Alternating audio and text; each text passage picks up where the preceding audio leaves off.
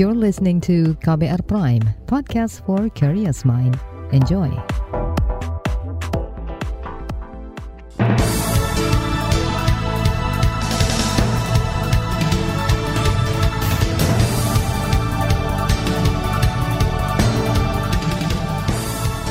Selamat pagi saudara, senang sekali kami bisa menjumpai Anda kembali melalui program Buletin Pagi edisi Selasa 31 Mei 2022.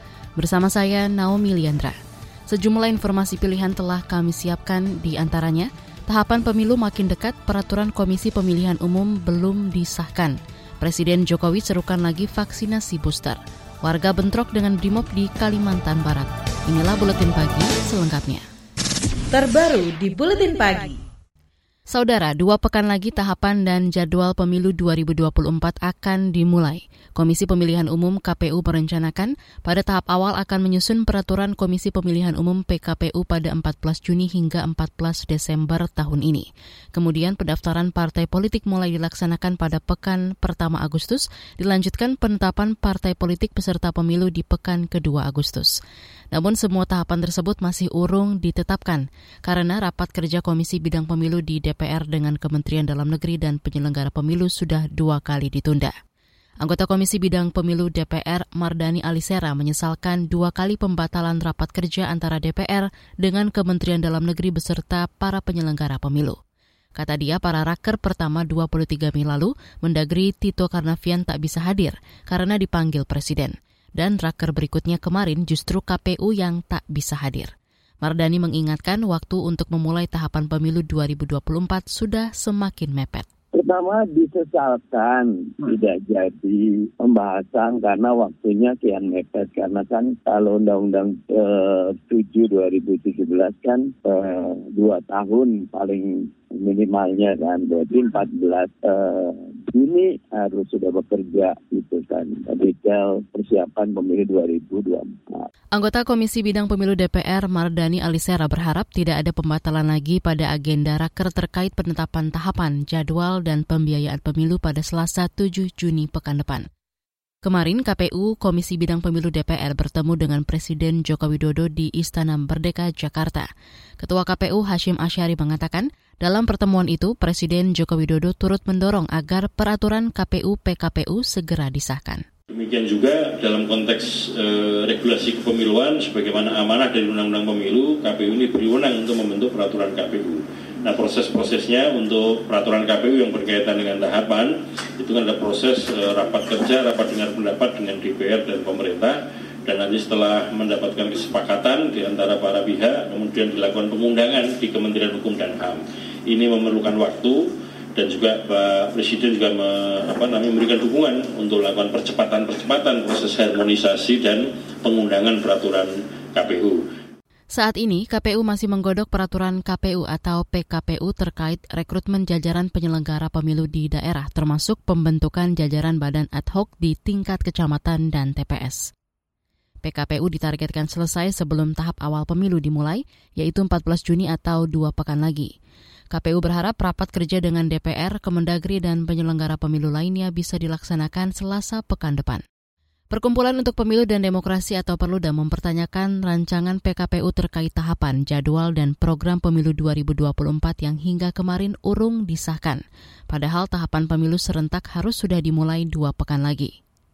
Direktur Eksekutif Perludam Hoirunisa Nur Agustianti mengingatkan molornya pengesahan PKPU bisa berdampak buruk pada persiapan pemilu secara keseluruhan. Nah, kalau itu ditetapkannya mepet, ya KPU pasti akan terburu-buru untuk menyiapkan aturan teknis uh, untuk tahapan pemilu yang lainnya gitu ya. Tahapannya akan dimulai, PKPU-nya baru baru ada gitu. Kan tentu KPU harus mensosialisasikan itu dengan uh, KPU-KPU yang ada di da di daerah ya, di uh, provinsi dan kabupaten kota, harus ada uh, pembekalan gitu ya, harus ada bimbingan teknis ya itu akan akan uh, berdampak pada tahapan pemilu yang lainnya yang kemudian kalau dikerjakan secara buru-buru tentu kan menjadi tidak maksimal apa uh, persiapan pemilunya. Direktur Eksekutif Perludem Hoirunisa Nur Agustianti menambahkan Komisi Pemilihan Umum tidak bisa bekerja jika peraturan KPU belum disahkan. Kata dia, wewenang penetapan PKPU sebenarnya ada di KPU, sehingga tidak ada alasan untuk berlama-lama mengesahkan peraturan KPU. Saudara, pemilu serentak akan digelar pada 14 Februari 2024, sedangkan pilkada serentak digelar November 2024. KPU memperkirakan lebih dari 190 juta pemilih akan berpartisipasi dalam pemilu 2024. KPU menyiapkan sekira 690-an ribu tempat pemungutan suara.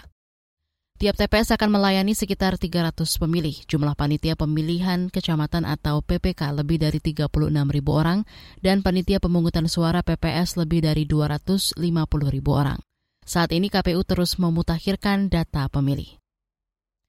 Saudara, informasi soal Presiden Jokowi serukan lagi pentingnya vaksinasi booster akan kami hadirkan sesaat lagi. Tetaplah di Buletin Pagi KBR. You're listening to KBR Pride, podcast for curious mind. Enjoy!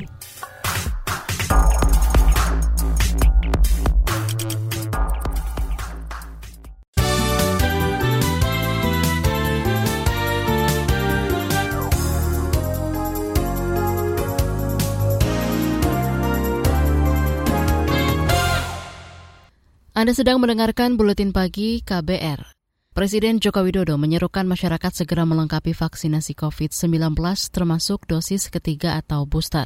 Seruan ini disampaikan kembali meski kondisi pandemi diklaim semakin membaik. Tujuannya antara lain agar aktivitas masyarakat bisa kembali normal dan ekonomi bisa mulai kembali bergerak. Saya meminta masyarakat agar tetap melakukan vaksinasi COVID-19 secara lengkap dua dosis, ditambah vaksinasi booster untuk mencegah penularan. Vaksinasi booster ini sangat penting. Data dari Kementerian Kesehatan menunjukkan vaksinasi booster dapat meningkatkan kekebalan imunitas hingga dua kali lipat dibanding dosis kedua. Vaksinasi booster ini juga diperlukan untuk melindungi orang tua dan kelompok masyarakat rentan atau memiliki komorbid Presiden Jokowi menuturkan pemerintah memiliki stok vaksin COVID-19 dosis booster yang jumlahnya lebih dari cukup. Jokowi juga meminta masyarakat jangan pilih-pilih jenis vaksin karena semua vaksin memiliki manfaat yang sama. Kemarin berdasarkan data Satgas Penanganan COVID-19, ada penambahan 218 kasus positif baru. Terbanyak ada di DKI Jakarta dengan 81 kasus. Badan Legislasi DPR menyetujui hasil harmonisasi rancangan Undang-Undang Pembentukan Provinsi Papua Barat Daya. Wakil Ketua Balek DPR Ahmad Baidowi menjelaskan, hanya fraksi Partai Demokrat yang menolak. Alasannya Demokrat ingin RUU tersebut benar-benar dibahas secara menyeluruh. Namun kata dia, RUU tersebut akan dilanjutkan ke tingkat pembahasan berikutnya. Maka demikian ada delapan fraksi yang setuju, kami minta persetujuan kepada forum, tentu persetujuannya dengan segala pertimbangan yang catatan-catatan yang menjadi tidak terpisahkan. Uh, kami minta persetujuan kepada rapat apakah hasil harmonisasi Provinsi Papua Barat Daya dapat disetujui? Yo. Wakil Ketua Balek DPR Ahmad Baidowi menambahkan, tahapan selanjutnya RUU yang menjadi bagian dari pemekaran wilayah di Papua ini akan masuk ke paripurna DPR guna ditetapkan menjadi RUU inisiatif DPR. Sebelumnya, DPR telah menetapkan tiga RUU terkait pemekaran wilayah Papua, yaitu RUU Pembentukan Provinsi Papua Selatan, Papua Tengah, dan Papua Pegunungan Tengah. Beralih ke berita ekonomi. Pertumbuhan ekonomi Indonesia pada kuartal pertama mencapai 5,01 persen. Sementara itu neraca perdagangan tercatat surplus 24 kali secara berturut-turut. Meski begitu, Menteri Keuangan Sri Mulyani mengingatkan semua pihak agar tidak cepat berpuas diri karena masih ada beberapa resiko baru yang mengancam. Karena meskipun pemulihan ekonomi di Indonesia berjalan, kita melihat dari sisi global muncul risiko baru yang harus kita waspadai, terutama dalam bentuk kenaikan harga-harga komoditas yang meningkat sangat cepat dan ekstrim.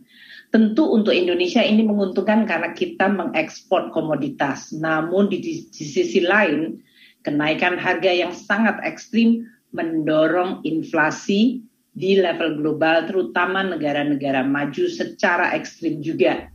Menteri Keuangan Sri Mulyani menambahkan kenaikan harga ekstrim juga diikuti dengan pengetatan kebijakan moneter di Amerika Serikat, Eropa, dan Inggris. Dampaknya suku bunga akan naik dan likuiditas akan ketat. Selain itu, kebijakan penguncian wilayah di Cina juga memperburuk ekonomi global yang sebenarnya juga masih belum pulih akibat perang Rusia-Ukraina. Masih berita ekonomi. Menteri Agama Yakut Holil Komas mengusulkan penambahan anggaran operasional haji sebanyak 1,5 triliun ke DPR. Tambahan itu antara lain dipicu selisih anggaran layanan masyair atau angkutan bus jamaah.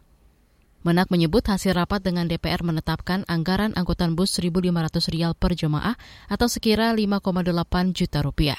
Namun pengelola masyair menetapkan harga 5.500 rial per jemaah atau 21 juta rupiah per jemaah. Penambahan anggaran juga akan dialokasikan untuk biaya pesawat maskapai Saudi Arabia Airlines, sebab ada selisih kurs kontrak penerbangan dan untuk operasional ibadah haji khusus. Kita ke berita mancanegara. Salah satu negara di kawasan Pasifik, Vanuatu, mengumumkan darurat iklim karena sejumlah pulau di negaranya terancam tenggelam. Perdana Menteri Vanuatu Bob Longman mengatakan permukaan laut yang naik dan cuaca buruk sudah tidak proporsional mempengaruhi Pasifik. Vanuatu pernah dilanda dua topan tropis dan kekeringan dalam satu dekade terakhir. Sebelumnya, pemerintah Vanuatu menyiapkan dana 1,2 juta dolar Amerika atau hampir 18 miliar rupiah untuk meredam dampak perubahan iklim. Anggaran tersebut akan difokuskan untuk perubahan iklim, mitigasi, dampak, dan menutupi kerusakan. Vanuatu juga berharap ada hukum internasional yang berisi kerusakan, kerugian, dan implikasi hak asasi manusia dari perubahan iklim. Kita ke berita olahraga. Persatuan Sepak Bola Seluruh Indonesia PSSI bertekad menghapus praktik mafia bola. Ketua Umum PSSI Muhammad Iriawan mencontohkan kasus mafia bola di Liga 2 sudah ditangani Polda Metro Jaya. Begitu juga kasus pengaturan skor pertandingan di Liga 3 Jawa Timur juga sudah ditangani secara hukum. Dan kita sendiri terus memonitor apa yang disampaikan oleh kita bahwa berkaitan dengan pendampingan wasit itu salah satu antisipasi ya. Wasit itu dikawal kemudian juga uh, diikutin dan kemudian juga telepon juga kita lakukan uh, tracking dan lain sebagainya. Pokoknya ada indikasi kemudian terjadi bisa dibuktikan untuk disiplinnya saya akan lakukan dengan football family. Untuk pidananya akan serahkan ke pihak kepolisian. PSSI kemarin menggelar kongres biasa di Bandung, Jawa Barat. Salah satu hasilnya mengesahkan laporan aktivitas dan keuangan tahun lalu, sekaligus menetapkan rencana program serta anggaran PSSI tahun depan. PSSI juga menyetujui perubahan nama sejumlah klub, antara lain Borneo FC menjadi Borneo FC Samarinda. Timnas sepak bola U19 Indonesia kalah 1-0 melawan Venezuela pada pertandingan perdana di Grup B Turnamen Toulon Cup 2022 di Prancis. Gol kemenangan Venezuela dicetak Daniel Perez menit ke-69. Pada laga selanjutnya, Indonesia akan melawan Ghana U19 Kamis pekan ini. Toulon Cup adalah kompetisi pesepak bola muda dunia. Acara ini akan digelar 29 Mei hingga 12 Juni di Prancis. Di bagian berikutnya kami hadirkan laporan khas KBR tentang kontroversi pencabutan subsidi minyak goreng curah. Tetaplah di Buletin Pagi KBR. You're listening to KBR Pride, podcast for curious mind. Enjoy!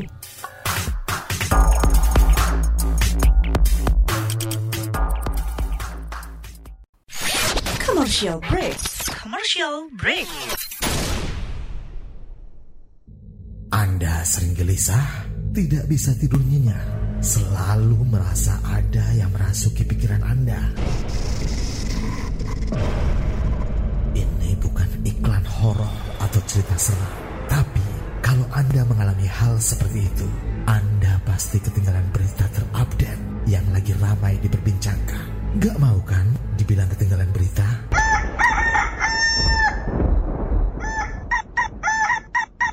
Makanya dengerin KBR Pagi, siaran pagi radio paling update menghadirkan narasumber yang terpercaya dan kredibel. Banyak lagu-lagu dari zaman old sampai zaman now. Setiap hari Senin sampai dengan Jumat mulai pukul 7 sampai 8 waktu Indonesia Barat. Bisa didengerin dari Aceh hingga Papua. Cukup satu jam saja untuk membuat kamu tetap update.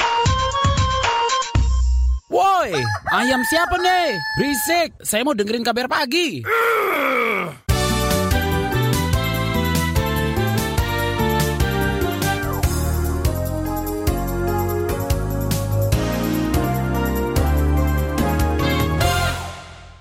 Anda masih bersama kami di Buletin Pagi KBR.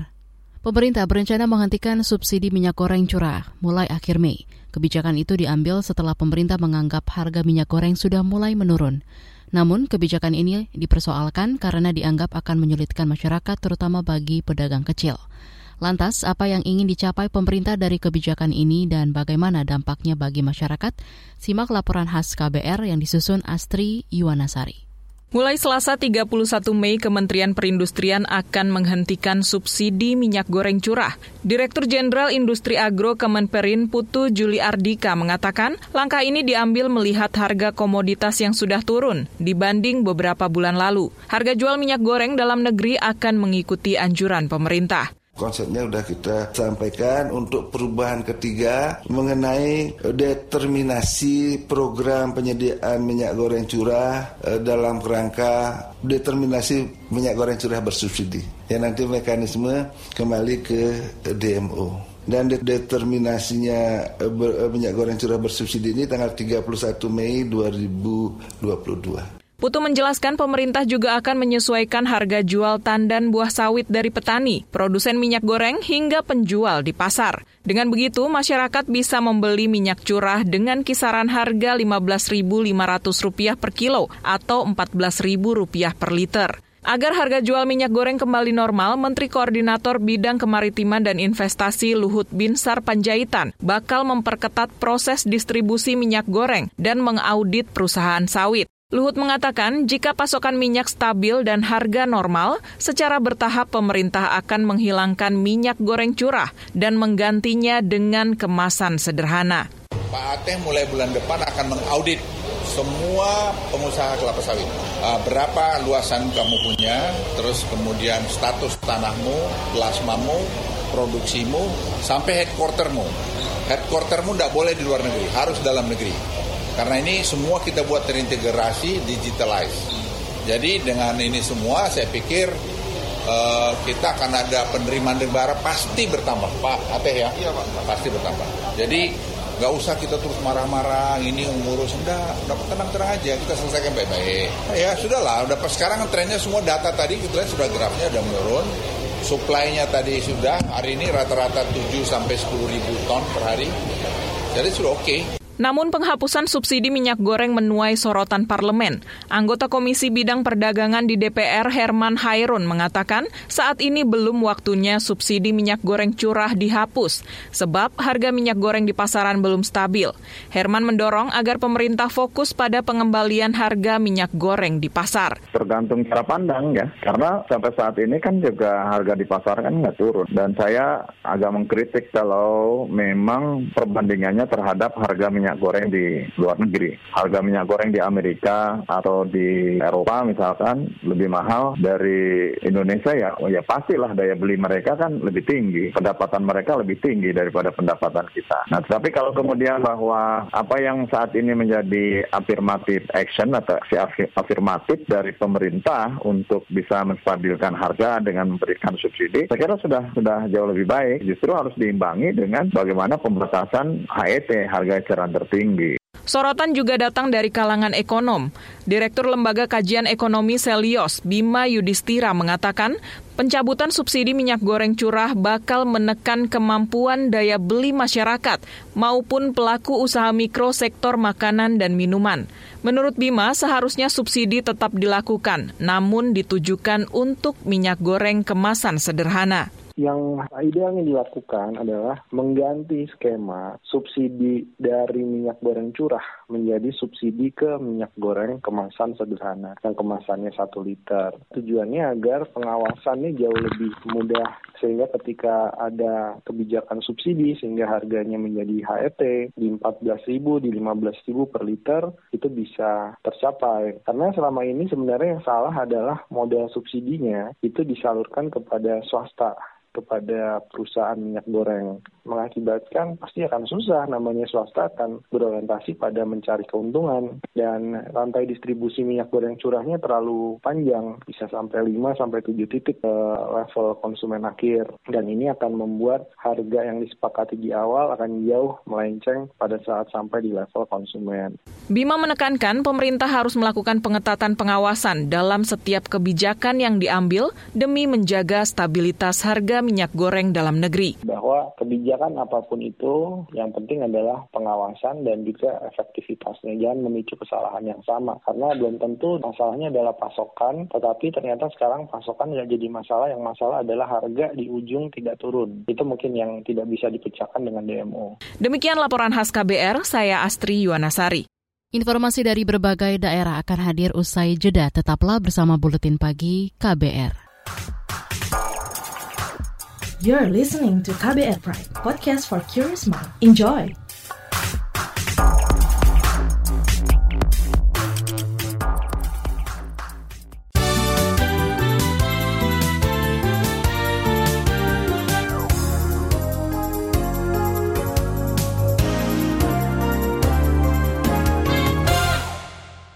Inilah bagian akhir buletin KBR. Komnas HAM Kalimantan Barat sedang mendalami kasus bentrokan yang terjadi antara warga dan anggota kepolisian. Insiden terjadi 28 Mei lalu di Desa Segarwangi, Kecamatan Tumbang, Titik Ketapang, Kalimantan Barat. Kepala Sekretariat Komnas HAM Kalimantan Barat, Nelly Yusnita berharap warga tetap mampu menahan diri, sedangkan kepada aparat penegak hukum diminta menangani kasus secara persuasif. Uh, peristiwa yang terjadi berawal dari sengketa lahan milik warga dengan PT Arthur Plantation yang hingga kini yang belum ada uh, penyelesaian. Kemudian terjadi peristiwa pengamanan yang dilakukan oleh anggota BRIMOB terhadap warga yang melakukan pemanenan kebun sawit yang berujung pada bentrok dan mengakibatkan tiga warga terluka. Atas peristiwa tersebut, dalam waktu dekat kami akan turun ke lapangan untuk melengkapi informasi. Itu tadi Kepala Sekretariat Komnas HAM Kalimantan Barat Nelly Yusnita. Sebelumnya beredar video bentrokan antara personel BRIMOB dan sejumlah warga di area kebun sawit di Ketapang 28 Mei lalu. Polda Kalimantan Barat mengaku sudah menjelaskan terkait warga yang tertembak. Peristiwa itu terjadi karena warga diklaim berusaha merebut senjata api milik anggota BRIMOB. Penanganan ancaman banjirop di pantai utara Jawa akan menjadi fokus utama kerja Pemprov Jawa Tengah. Ini karena sejak pekan lalu banjirop yang cukup tinggi melanda Pantura.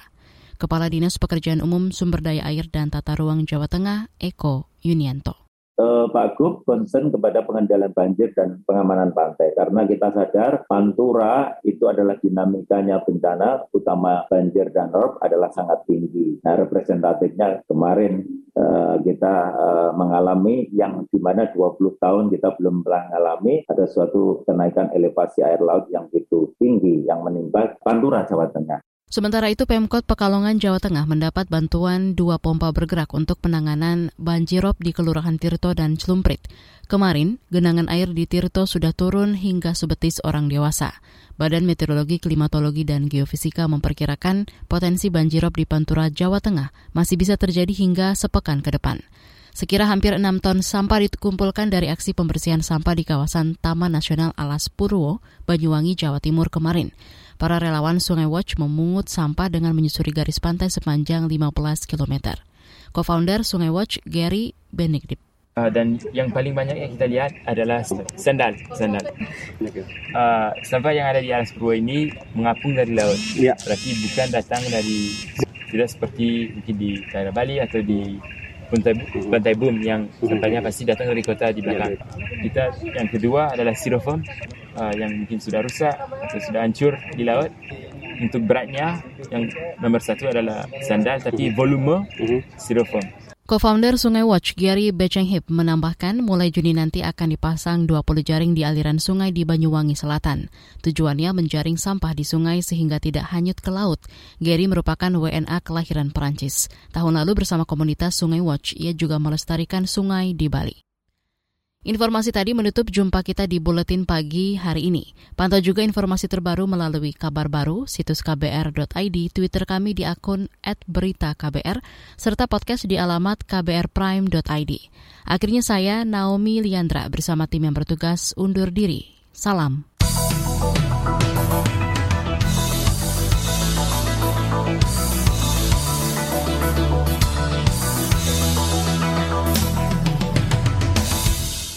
KBR Prime, cara asik mendengar berita. KBR Prime, podcast for curious mind.